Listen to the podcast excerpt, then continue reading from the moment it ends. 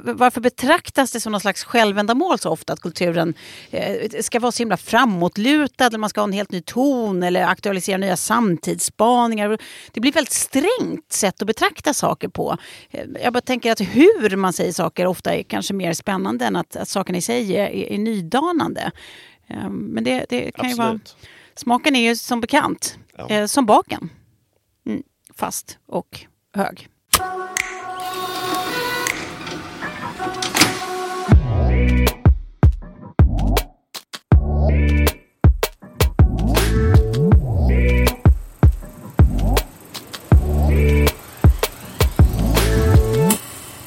Böcker, krönikor och film. Många är forumen som lyfter kronisk smärta.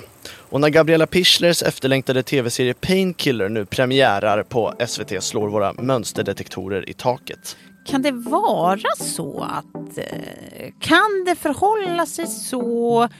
Är kronisk smärta trendigt? Jag heter Tove Nordström. Och jag heter Andreas Hörmark och det här är TV-kollen från Svenska Dagbladet. Du eh, lyssnar alltså på TV-kollen från Svenska Dagbladet som numera har ett helt eget poddflöde. Det är vad vi är värda. Du hittar oss nu genom att söka på SvD TV-kollen i din poddspelare eller så kan du såklart lyssna i SvD-appen under poddar. Följ oss gärna där så missar du inga avsnitt. Men nu, innan vi gör någonting överhuvudtaget annat så ska vi börja med att säga att eh, Andreas, nu är du här. Jajamän! Är det, är det, du, du, du, ska ju, du ska ju fortsätta vara här. Ja, Ja, stora skor att fylla. Ja. Alltså jag tror inte han har mer än 42. Det där Nej, var inte ens roligt. Men det var, det var, som ett dad joke som var tvungen att... Det skulle bara ut. Du, ehm, är, är det sant att du helst vill bli kallad eh, Korven?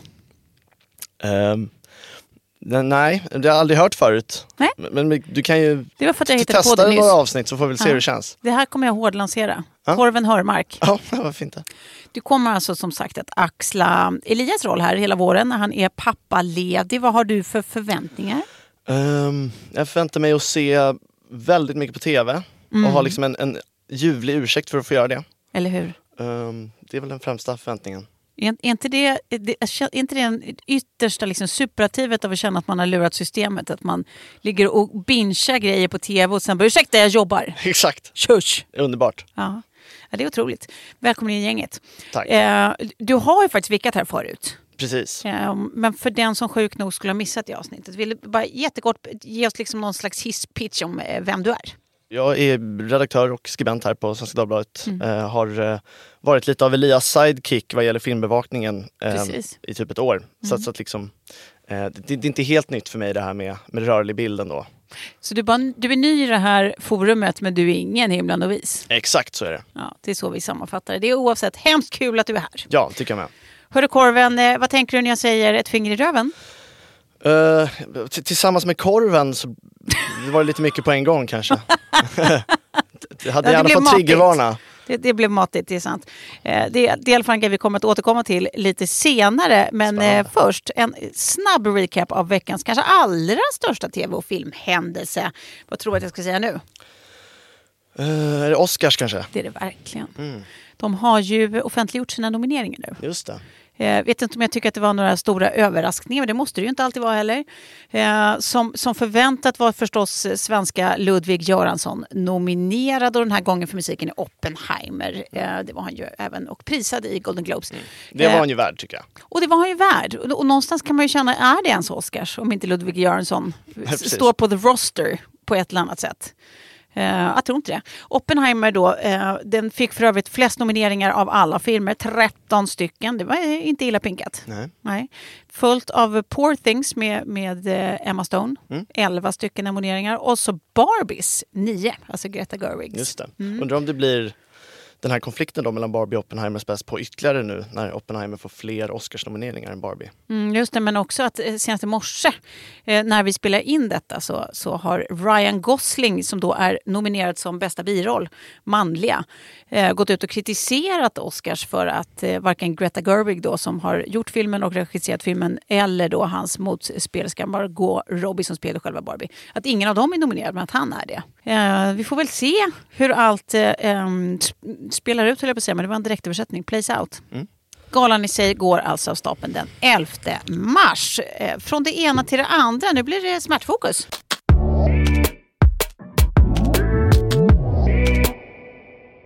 Ja, vi ska prata om Painkiller och eh, det är ju inte den Painkiller som handlar om familjen Sackler och den amerikanska opioidkrisen. Mm. Eh, en serie som, som eh, fick en fortsättning i höstas. Eh, det hoppas jag att du visste, Tove.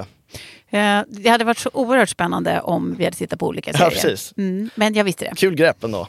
Eh, nej, men jag talar om Gabriella Pischlers efterlängtade tv-seriedebut som hade premiär på SVT Play den här veckan. Mm. Eh, Pichler är ju kanske mest känd för sin film Äta, sova, dö från 2012 som blev tokhyllad när den kom och, och fick eh, en massa Guldbaggar.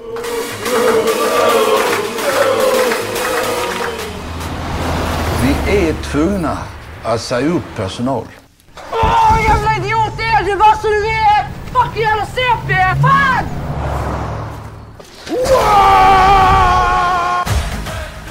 Den här nya serien Painkiller har redan i förväg utsetts till Sveriges nominering till Manuspriset Nordisk film och TV Fond Prize som mm. delas ut i januari. Just det. Um, så att, många ser nog fram emot den här serien tror jag. Och, um, vi, vi inkluderade får man väl säga. Absolut. Vi har ju också tyckt att det uh, var hemskt kul att få titta på det här. Verkligen. Mm. Uh, och uh, i Painkiller så träffar vi Andrea som är en hyllad men, men inte direkt stenrik performancekonstnär som bor hemma hos sin mamma Diana och hyr ut sin egen lägenhet i andra hand. Uh, Diana då, mamman, är en, en stolt Balkanmamma. Det är mm. inte mina ord. Mm. Du, jag, jag ska lägga till att du också gör luft öron här. Ja, exakt. Mm. mm. som, som lider av kronisk smärta efter ett långt liv som städerska. Mm. Eh, och de här två, då, mor och dotter, har en lite stökig relation. Eh, full av både kärlek och eh, temperamentsfullt tjafs kan man väl säga. Mm. Vi återkommer till det. Men, men, men när den smärtgrupp som Andrea lyckats få sin mamma att gå på läggs ner så bestämmer sig Andrea för att behandla mamman själv som ett konstprojekt. Och det är ju liksom själva seriens då upplägg att mm. den här då lite tjuriga Balkanmorsan blir ett konstverk. Liksom. Mm. Det är min dotter Andrea. När hon var liten, hon var så söt. Och vad gör hon nu?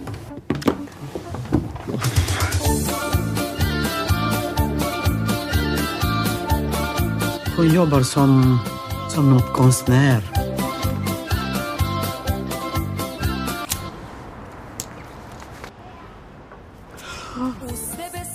Men alltså det här med kronisk smärta, alltså att, att, att mamman eh, lider av just kronisk smärta, det säger något om något tänker jag. Det är, mm. alltså för ämnet dyker plötsligt upp lite här och var på senaste. Och det, och det är väl det som får oss att ställa oss frågan, är det rent av trendigt? Mm. Med kronisk smärta. Obs! Innan ni författar era arga mejl här. Jag menar självklart inte att det är trendigt att drabbas av kronisk smärta. Eh, jag syftar ju på ämnet i sig. Precis, att, det var ute på hal is där ett tag. Ja, verkligen. Men du, du jag, jag, drog mig själv tillbaka. Jag hade piggar. Mm. Vi ser ju då, alltså både i debatten och så, så, så, eh, ser vi det i kulturen på olika sätt. Och då kanske du frågar, jaha, receipts? Tack, det vill säga har, har du bevis för det? Eh, absolut. Vi har ju till exempel då Celia Svedhems bok Det mörka rummet eh, om migrän. Det uppmärksammades en hel del skulle jag säga det senaste halvåret. Inte minst från SVDs egna Erika Hallhagen. En text värd att läsa. Eh, men det har också publicerats krönikor i stora dagstidningar som till exempel Cornelia Lindstedts i GD, i Gefle Dagblad förra året. Eh, sen har vi filmen Tar från 2022 eh, som jag tycker att man ska se för övrigt om man inte redan har gjort det, om då dirigenten Lydia Tar som lever med eskalerande kronisk smärta. Eh, ska också tilläggas även galenskap. Ja, hon har ganska många problem tror jag. Det, det, det finns ett och annat att ta tag i. Eh, men sen så har vi också Caroline Ringskog Ferrada Nolis bok Det är kroniskt som handlar om eh, kronisk smärta efter foglossning och kejsarsnitt bland annat. Eh, så temat är ju återkommande, mm. alltså på bredare front. Människan har ju liksom sannolikt eh, drabbats av olika typer av kronisk smärta eh, genom historien. Det är ju inget nytt i sig, alltså inte minst med tanke på hur, hur livet har sett ut eh, eh före industrialismen till exempel med, med, mycket hårt kroppsarbete. Alla män var ute på åkrarna hela dagen och inte vet jag, lyfter stenar och Precis. huggträd och grejer. Eh, men av någon anledning så känns det som att någonting har hänt just senaste tiden som sagt. Varför just nu kanske då är en fråga du ställer Andreas. Är Ja, det? verkligen. Jag skulle just fråga om du har något svar på det här också. Ja, vad kul att du frågar. Eh, vem vore jag ens om jag inte hade en åtminstone okvalificerad gissning? Och vet du vad jag tänker? Ja. Jag tänker att kanske kan det ha någonting med den här som du faktiskt var inne på när du ville göra en särskiljning vilken painkiller vi har tittat på. Det här med opioidkrisen, den amerikanska opioidkrisen, den har ju varit otroligt uppmärksammad eh, äntligen och till slut.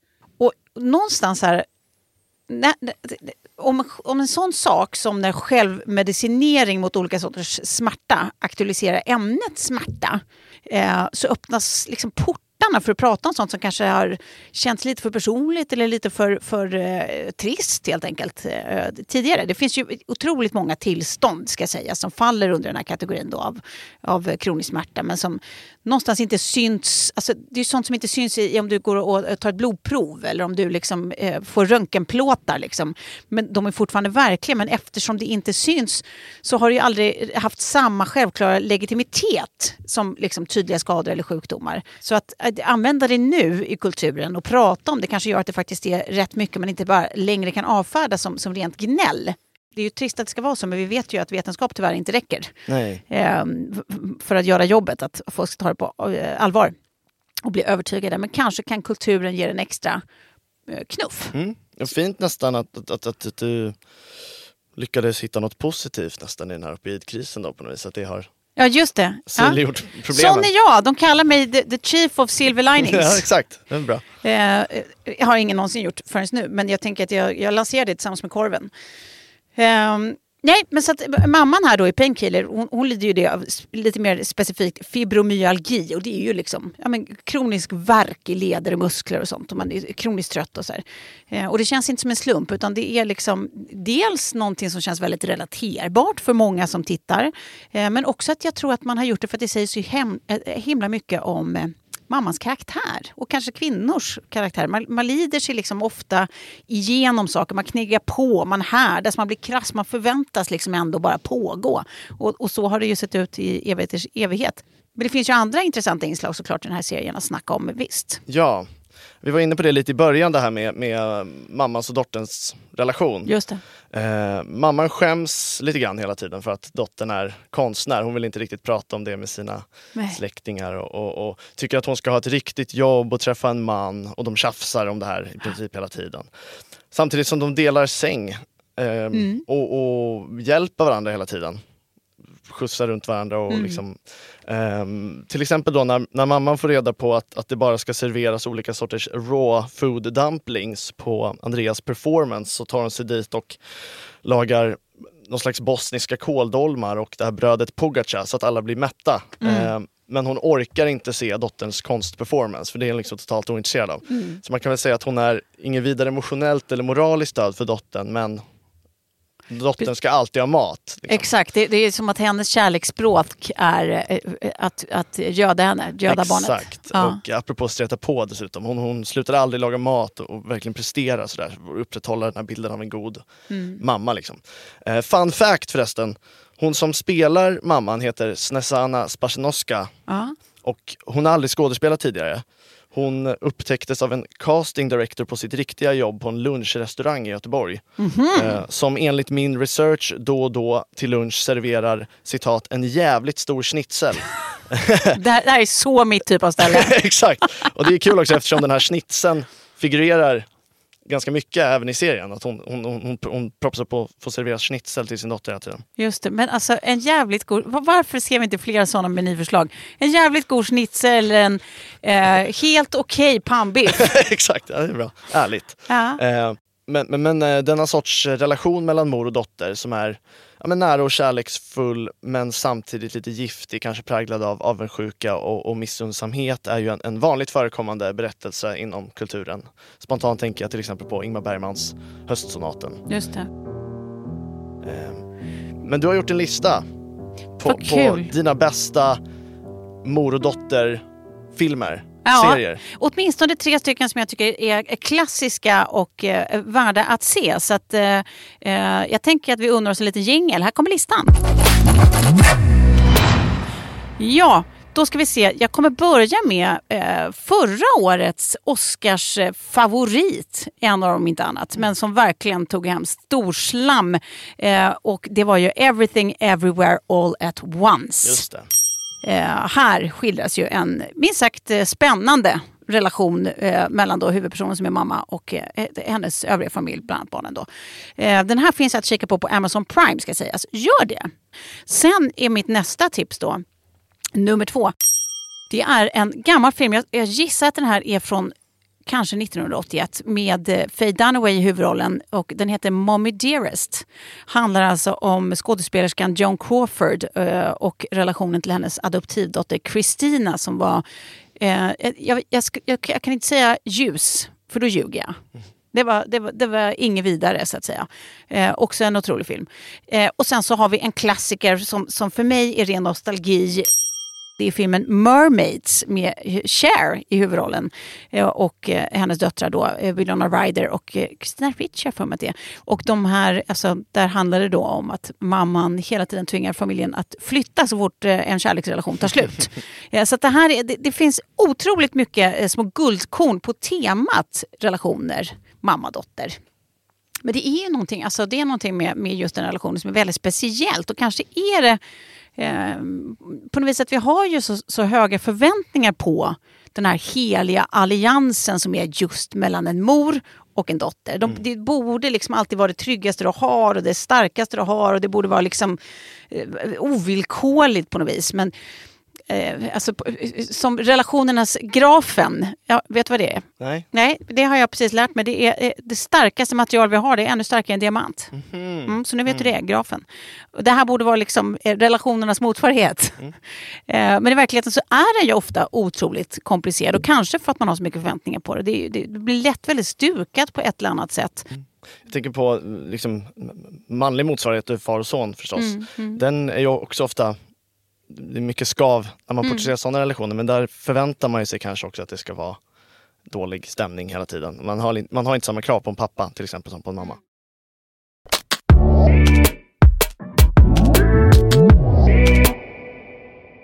Eh, Ett ord som förekommer i, i Painkiller då, eh, är ju mellanförskap.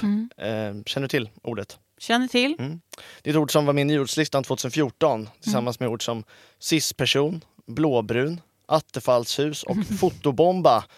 För de som vill ta en trip down memory lane. Ja, det var jag det. Ja. Eh, Mellanförskap beskriver ju ett tillstånd man befinner sig i när man har flera nationella identiteter på en gång och kanske inte riktigt känner sig helt hemma i någon av dem. Mm. Man är varken helt svensk eller fullt ut något annat. Mm. Eller rättare sagt, man känner sig varken helt Ja, precis, svensk förstås. Ja. Absolut. Eh, Och eh, hennes mamma har ju en del uppfattningar om svenskheten. Mm. Mamma Diana till, lagar till exempel mat till dottern medan hon har väldigt ont. Och dottern frågar då varför hon inte bara gjorde en macka istället om hon har så ont. Och eh, då säger hon så här. Men varför gick du inte och vilade då bara? Jag hade kunnat göra macka. Men ge bort en macka. Tror du att du är svensk mamma eller? Här får du riktigt mage. Eh, Men just då det här med mellanförskap, det är ett ord som jag, i alla fall jag hörde betydligt oftare i samhällsdebatten för just så tio år sedan. Men, men det är förstås eh, fortfarande relevant. Eh, och eh, dessa frågor tar sig ju andra uttryck också. Exempelvis är ju Andrea en konstnär som, som tillhör arbetarklassen och vill, vill skildra den och väcka frågor som rör den i sin konst. Men lyckas inte få någon från arbetarklassen att komma på någon av hennes utställningar. Just det. Eh, det kommer bara en massa kulturella medelklassmänniskor med smak för rödvin och, och vegokäk. Liksom. Ja. Eh, och, ehm, ja, men till exempel när Andreas ska skjutsa sin kedjerökande bosniska morsa till tandläkaren blir hon i bilen uppringd med videosamtal av personer på en scen under någon stor fransk konsttillställning. Hon ska få ett stipendium av dem. Och hon måste då på fin, fin franska diskutera hur hennes konst vill tackla frågor om gentrifiering. Och, och den finkulturella ådra hon har gör ju att hon heller inte riktigt accepteras av de här lagerarbetarna hon, hon umgås med och, och arbetar med som extraknäck. Och jag tycker allt det här är väldigt smart skildrat måste jag säga och väldigt kul. Eh, frågan är väl om, om serien säger något nytt om de här sakerna. Jag, jag tänkte direkt på filmer av familjen Fares, typ så Farsan och, och, vad heter de, Jalla Jalla. Ja. Även om den här kanske har en ändå lite seriösare klangbotten på något vis. Just det. Ja, och, och det är ju en reflektion som jag tror att eh, vi ofta gör när vi tittar på nytt innehåll. Ehm, men, men en annan reflektion är ju varför vi måste säga någonting nytt. Alltså så här, varför betraktas det som någon slags självändamål så ofta att kulturen eh, ska vara så himla framåtlutad, eller man ska ha en helt ny ton eller aktualisera nya samtidsspaningar. Det blir ett väldigt strängt sätt att betrakta saker på. Ehm, jag bara tänker att hur man säger saker ofta är kanske mer spännande än att, att sakerna i sig är, är, är nydanande. Eh, Men det, det kan ju vara... Absolut. Smaken är ju som bekant Ja. eh, som baken. Mm, fast och hög. Skojar. Nej, men det finns otroligt mycket att, eh, att tycka om och känna kring eh, den här serien. Ehm, så att, så att jag, jag vill faktiskt varmt rekommendera Painkiller. Jag med, jag tycker den är toppen. SVT alltså. Yes. Eh, unna er. Hur som helst då, jag vet inte hur det är med dig men jag känner att det rycker i tykometern nu. Ja, nu, eh, nu blir det snusk. Det blir det verkligen för att eh, eh, jag tänker att det, det är dags för veckans gås. Gås som är gåshud, Andreas. Eller hur? Mm. Eh, det här då som kommer vara mitt val för veckans gås. Eh, det är ju inte nödvändigtvis gås för min del utan för alla er män där ute. Jag tittar på dig nu Korven. Eh, nu blir det fingrar i röven. Det handlar nämligen om den manliga G-punkten kopplad till prostatan. Och var sitter den? Ja, den sitter väl i, i, i rumpan. Ja, rätt upp i rektum ja. Eh, SVT och Erik Galli, alltså mannen bakom andra eh, produktioner som Under kniven och SD-bögar till exempel. Eh, de har gjort en kort dokumentär eh, om det här. Eh, Alltså, vad ska man säga, lite för skammande njutningscentra eh, hos män. Mm, det får man säga att det är. Eller hur? Så att, eh, i den här serien då så får vi träffa, eller eh, inte serien, det är en eh, dokumentär. Då får vi träffa olika privatpersoner, vi får träffa lite tyckare, vi får träffa sexaktivister och, och så får vi träffa experter som berättar om sina olika erfarenheter av anal njutning, alltså både straighta och gay. Eh, och så får vi eventuellt märkligt nog följa det här heterosexuella carbonara-paret från Gifta vid första ögonkastet om man har sett det. Mm, kärt återseende. Just när de går på eh, kurs i anal extas. Eh, jag, jag vet inte om eh, programmet var för mig verkligen, men eh, allt som minskar tabun och normaliserar njutning, det tycker vi är kanon. Eller hur? Det gör vi Verkligen, väl? men gör det det då? Tror du att folk kommer öppna upp sig för att testa det här efter att ha sett det här programmet? Jag tror att man sänker eh, ribban, man sänker tröskeln. Ribban vill man ju inte sänka, pun intended. Men tröskeln eh, tror jag man sänker varje gång man ger liksom, luft och utrymme till ämnen som känns piniga eller tabu.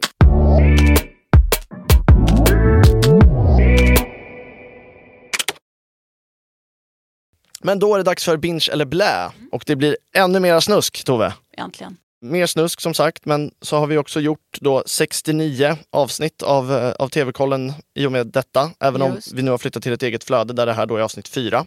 Mm. Eh, men ändå. Men, men vi har i bakgrunden magiska siffran. Exakt. Kla, 69. kla, klassiskt eh, grabbskämt på internet. Verkligen. Eh, och även om jag uppskattar tanken på att göra en tv-serie om sex så tycker jag nog att SVT Play-serien Bara sex faller eh, ganska platt. Det är en miniserie om ungdomar på ett låtskrivarläger och huvudpersonen är en 16-årig tjej som bestämt sig för att bli av med oskulden. Mm. Så, så under lägrets första dag går hon helt enkelt fram till första bästa kille och säger att hon skulle kunna tänka sig att ligga med honom i, imorgon på hans rum. Eh, för att få det gjort. Och kan de inte hångla lite redan nu bara för att testa lite? Eh, och eh, förlåt men när fick tonåriga estetare den sortens sexuella självförtroende? Ja. Eller jag vet inte, känner du igen dig i det här? Jag känner inte igen det. Jag behöver ju visserligen inte säga någonting, men nej, det, det, det, det låter inte som det absolut mest vanliga. Nej men, precis. Och jag tänker liksom om man nu vill, vill så här avstigmatisera oskulden för tonåringar så, så ger det här kanske lite, det är inte så, liksom, vad ska man säga, En Fals, skev falska förhoppningar. En skev bild av, av hur det kanske går till egentligen. Eh, ofta tror jag att det kanske är lite stökigare och lite mindre planerat och sådär. Men ändå. Um, pluspoäng för, för försöket men det blir ett blä. Det blir ett blä. Vi är stränga här. Roligt, eh, eh, eh, bara sido, ett sidospår här, att det känns verkligen som att SVT, det är inte bara vi som har snuskfokus, utan det kommer ju från att utbudet har ett snuskfokus. Mer specifikt SVT. Ja, verkligen. Eller hur? Visst ja, känns det som att de är inne i någon slags eh, eh, sexuell awakening-fas? Verkligen. Ja, det, det, de är inne i sin kåtmafas. Ja, precis. Det är lite härligt ändå. Ja, det är my- mycket sex och njutning och, och allt vad det är. Ja. Men det, eh, vi, är all, vi är för. Vi är för. Absolut. Ja. Eh, då går vi vidare. Jag har faktiskt också ett blä. Det blev tråkig ton den här veckan, men så är det ibland. Jag gjorde nämligen eh, otyget att titta på Sanningen, eller Fool Me Once som den heter på Netflix. Det är alltså en serie skapad av eh, författaren Harlan Coben. Kanske är det så att man borde ha fattat redan då när man läste Harlan Coben eh, att ja, eh, det här kanske inte är vad du ska lägga din tid på. Eh, framförallt om man då har läst en hel del eh, av hans böcker tidigare. Men eh, det är inte alltid man, man eh, är så klok i förväg. Det här handlar i alla fall om ex-soldaten Maja vars, vars man mördas. Eh, men så plötsligt en dag så ser hon honom livs levande på sin nannycam som hon har installerat i, i barnets eh, sovrum. Och vad tusan är det som pågår undrar Maja. Och vet du vad? Det är faktiskt ingenting som du behöver ta reda på. Nej. Du behöver inte veta vad som pågår. Nej. Du kan, du kan spara dina minuter för dig själv. Eh, blä från mig. Och med det så får vi väl konstatera helt enkelt att TV-kollen är slut för idag. Ja, tack för att jag får vara med. Ja, men det var så mysigt. Du kommer ju Verkligen. tillbaka, eller hur? Det gör jag. Ja.